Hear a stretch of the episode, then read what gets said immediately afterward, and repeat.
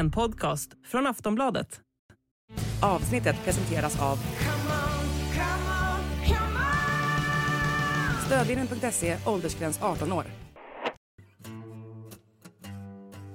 Då var det dags. Sveriges största fotbollsspelare genom tiderna lägger skorna på hyllan. Ja, vi pratar naturligtvis om Zlatan Ibrahimovic som nu, efter över 20 år på världens fotbollsplaner, har spelat sin sista match. Vad har Zlatan betytt för Sverige och svensk fotboll? Hur kommer vi minnas hans karriär? Vad ska han göra nu när karriären är över? Och kommer vi någonsin få se en liknande spelare igen?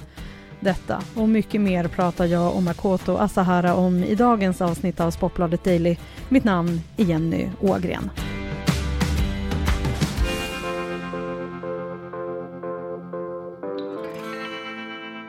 Makoto, hur överraskande var det här beskedet i natt? Ja, det, jag tyckte att eh, kollega Johanna Frändén sammanfattade det där ganska bra i sin krönika där på natten att det här var egentligen ett väntat besked, men det tog ju oss på sängen ändå. För att man har hela tiden pratat om den dagen Zlatan Ibrahimovic ställer skorna på hyllan. All logik i världen med tanke på hans ålder och så vidare, med tanke på skadehistoriken han haft den här säsongen, sa ju att det här var ett avsked, det här var när han skulle bestämma sig för att avsluta karriären. Kanske gå in i en ledarroll i eh, Milan nästa säsong i och med att han typ har haft det den här säsongen. Men man stod ju där och var förvånad ändå när man försökte tolka de här orden han sa på inneplan på San Siro, när han då till slut säger hej då till fotbollen. Och man, eh, det var ju också det roliga var att det var kanske svenska medier som var allra liksom sist med att just bekräfta han har slutat. För att man vet att, ja men han överraskar ju alltid, det finns alltid någon tanke med det han säger. Så att till och med när han säger det rakt ut, så satt man ändå och funderade lite, ja, han kanske ändå, det kanske betyder något annat, han kanske inte ska sluta. Nu står vi där, där han kort och gott har bekräftat att, ja, skorna är på hyllan och en helt otrolig, unik fotbollskarriär har eh, nått vägs ände. Så varför kommer det här beskedet just nu då?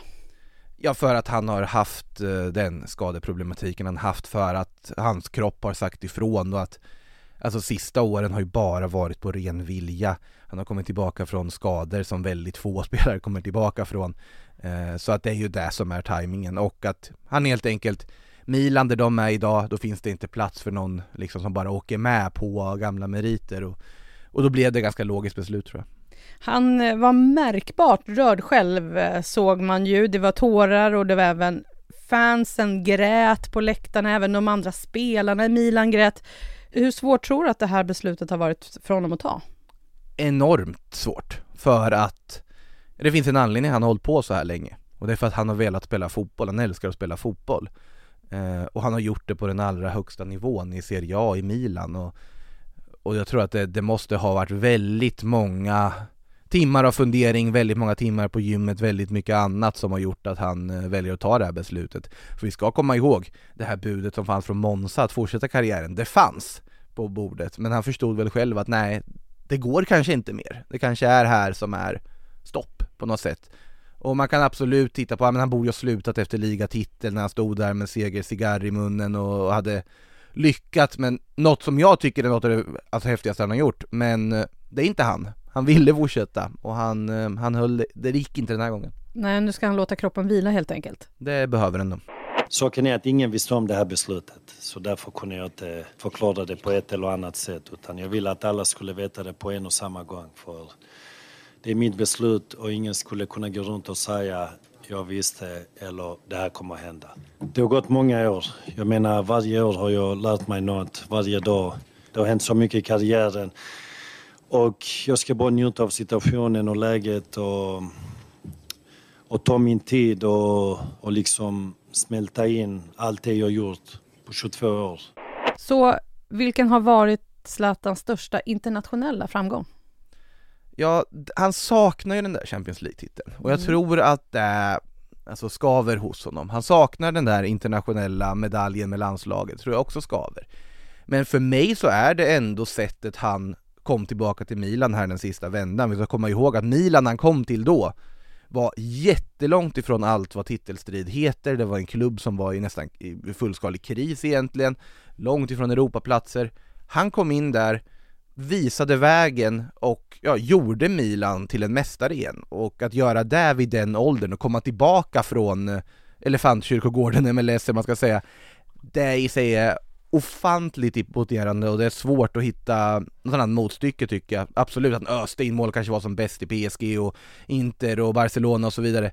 Men det där imponerade i alla fall mest på mig, den just slutetappen i Milan.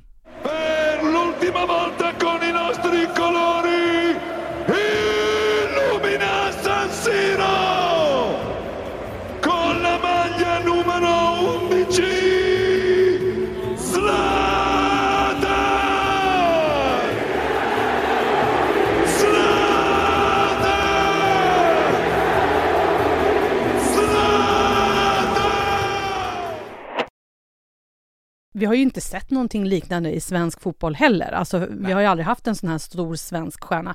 Vad har han betytt för den svenska fotbollen? Ja, alltså, vissa skulle ju börja peka på så här Gunnar Nordahl och Nils Lidholm och så En vidare annan tid. Men ja, det är ju det, och samtidigt så det, det är inte bara genom fotbollen han har betytt så mycket För han har ju öppnat en dörr för så många andra med sin utländska bakgrund, han har ju varit en symbol för så många människor på så många andra sätt än att vara en fruktansvärt bra fotbollsspelare. Och det tror jag betyder väldigt mycket. Och vi, som sagt, vi hade inte varit förvånade om vi suttit och pratat om och summerat hans karriär för fem sex år sedan. För tio år sedan nästan. Och det, och det är ganska sanslöst att han höll på så länge och körde vidare. Men just, just det här att han har varit en symbol på så mycket annat än att han gör massa snygga mål och vinner matcher i de eh, största klubbarna Han har varit mycket mer än så och han, jag skulle säga att han är en av de viktigaste ja, svenskarna i modern tid egentligen på det, på det här viset med tanke på alltså stjärnstatusen utomlands alltså alla möjliga människor runt om i världen, när man hör Sverige som har kopplat det till Zlatan Ibrahimovic, så säger väl egentligen det mesta. Hade svensk eh, landslagsfotboll varit där den är idag om det inte hade varit för Zlatan? Det beror ju på man, vad man säger att svensk landslagsfotboll är idag. Ja, det var det, jag kom, vet du vad? det var det jag kom på när jag ställde frågan också eftersom det inte går så jättebra just nu men han har ju ändå har varit en stor anledning till de stora framgångarna tidigare. Ja, ja, självklart. Det räcker med att titta på målen han har gjort i, i landslaget, i, på, de, på de stora scenerna, alltså klackmålet mot Italien, målet han gjorde mot Frankrike, det här volleyskottet. Ja, nu var ju matchen mot England på Friends Arena var ju, inte, var ju en vänskapsmatch Just det, men ändå. Cykelsparken. på den första matchen på nationalarenan. Såklart han har betytt hur mycket som helst. Han har ju bidragit till att det har varit lapp på luckan och mycket folk på läktarna också. Folk går ju dit för att se på Zlatan Ibrahimovic och han har varit den naturliga stjärnan, eh, ledsagaren också under de åren han spelade i landslaget. Så att, såklart han har betytt jättemycket. Ibrahimovic kan göra fyra mål. Ja, eh, det är inte helt otänkbart för nu är Johart ute och det blir en... Det blir mål! Det blir mål! Det är det värsta jag har sett! Det är inte klokt! Han cyklar in den där från 25 meter! Det är inte klokt Jens! Det ska inte gå! Det ska inte gå! Det är 4-2 för Sverige och Zlatan gör alla målen och han, han gör cirkuskonster som är överjordiska. Ja, det värsta är att det du säger, det är inga överord alls. Eh, Makoto, du har ändå varit inne lite på hans eh, karriär, men hur skulle du beskriva den? Alltså han har ju hoppat runt ganska mycket, det har ju inte varit en spelare som på något sätt förknippats med en klubb och det har man ju sett under hela karriären. Han går från Malmö, som, där ju också relationen är ansträngd minst sagt med tanke på inköpet i Hammarby där senare. Eh, går till Ajax som ett liksom, kliv på vägen, hamnar i Juventus, när Juventus då på grund av den här Calciopoli-skandalen tvångsnedflyttas, ja då hamnar han hos en av de värsta rivalerna Inter istället. Han åker inte med ner i eh, andra divisionen med Juventus, så mycket klubbkänsla finns inte där, förstår man ju för sig också. Öser in mål i Inter, Barcelona ringer, då åker han dit. Ett år senare så är han i Milan, och sen är det PSG, sen är det Manchester United. Man har aldrig kopplat honom till att ha någon form av liksom klubbidentitet på det här sättet. Det tycker jag ju han fick sist då, när han kommer tillbaka till Milan och gör det här och på något sätt så vart det ett passande avslut att Jo men han var runt i några av världens främsta klubbar. Till slut hittade han klubben som var närmast hjär- hjärtat för honom. Och det, Men det var en lång väg, det var en krokig väg men till slut hittade han eh, klubben i sitt hjärta. Det är väl så jag skulle vilja sammanfatta hans karriär. Snacka om att ha flyttat runt familjen också, fram och Ja tillbaka. verkligen. Nu kanske de rotar sig där. Ja det är ju inte helt otänkbart, Milano är väl inte en helt dum stad och han har ju bott där ganska många år också, det är inga dåliga städer han har varit i heller, i Paris, Barcelona, Milano och så vidare. Nej men det kän känslan jag får i alla fall att han till slut på något sätt hittade klubben som han identifierar sig med. Uh, och det tycker jag är nog väldigt fint. Sen är det ju så, Zlatan som person har ju varit kontroversiell, både älskad och hatad. Vilket eh, minnen bär du med dig när du tänker tillbaka på Zlatans karriär? Ja, alltså han har ju alltid varit en naturlig del eh, av fotbollen, av den internationella fotbollen. Absolut, jag har eh, i yngre dagar varit i den ringhörnan som tyckte att man ur svenskt perspektiv kanske övervärderade honom internationellt och så vidare. Men det är ju ingen som kan ta ifrån honom, det räcker bara att titta på siffrorna han har gjort. Han har öst in mål i Premier League, Serie A i tre olika klubbar, i Frankrike. Han var den första stora superstjärnan i det här PSG som vi pratar om väldigt ofta, det ska vi också komma ihåg. Manchester United, jo, han åkte till Premier League och visade att han hanterade det också. Barcelona är väl det som inte gick som han hade hoppats, men han hann ju ändå avgöra till Clasico och, och vinna titlar där också, så helt misslyckat var det ju inte även om det såklart skar sig med Messi och Pep Guardiola och allt möjligt. Men han har egentligen lyckats på ett eller annat vis oavsett vart han har varit. Han var spelaren som åker till, till USA som man förväntat sig att han på något sätt skulle göra förr eller senare, kommer tillbaks och det är ju där som blir något, det är sanslöst att han kommer tillbaks och är på den nivån. Eh, så att han är ju en, han är ju ett unikum på så vis. Och det blir konstigt när inte han är med. Man trodde ju ändå när han åkte över till USA att nu var det liksom slut på ja. liksom Europaspelet. Ja men det fanns ju inte. Det, det som har hänt de senaste åren i Milan, det fanns ju inte på kartan. Men skulle du säga så här, nu, han fyller 42 i år och har dragits med envisa skador de senaste åren. Har han spelat på övertid?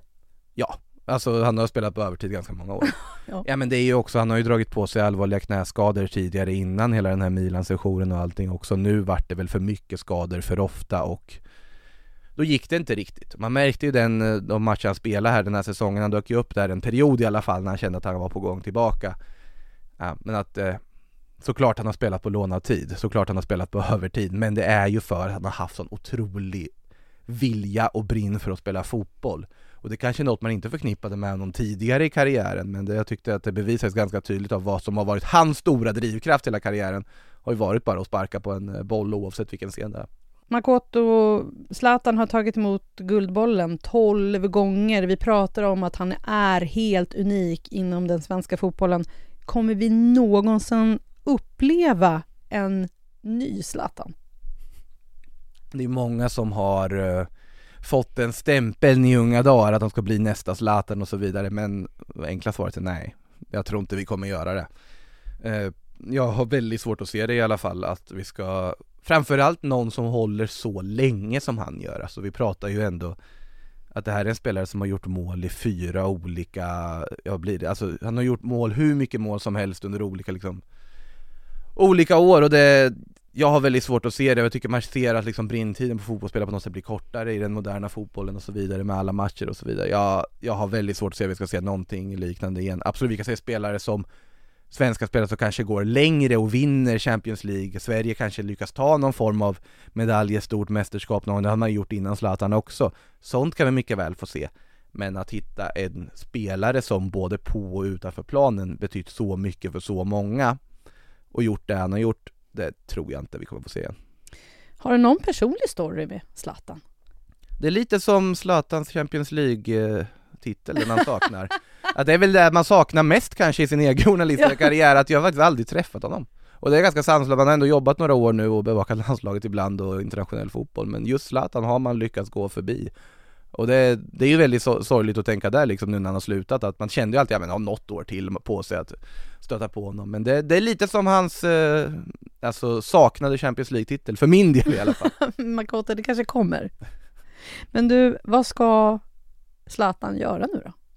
Ja, det är en ytterst bra fråga. Alltså såklart att det börjar pratas om tränarroller och ledarroller, men han har väl, sa väl det själv också att om man ska bli en tränare ska bli en topptränare.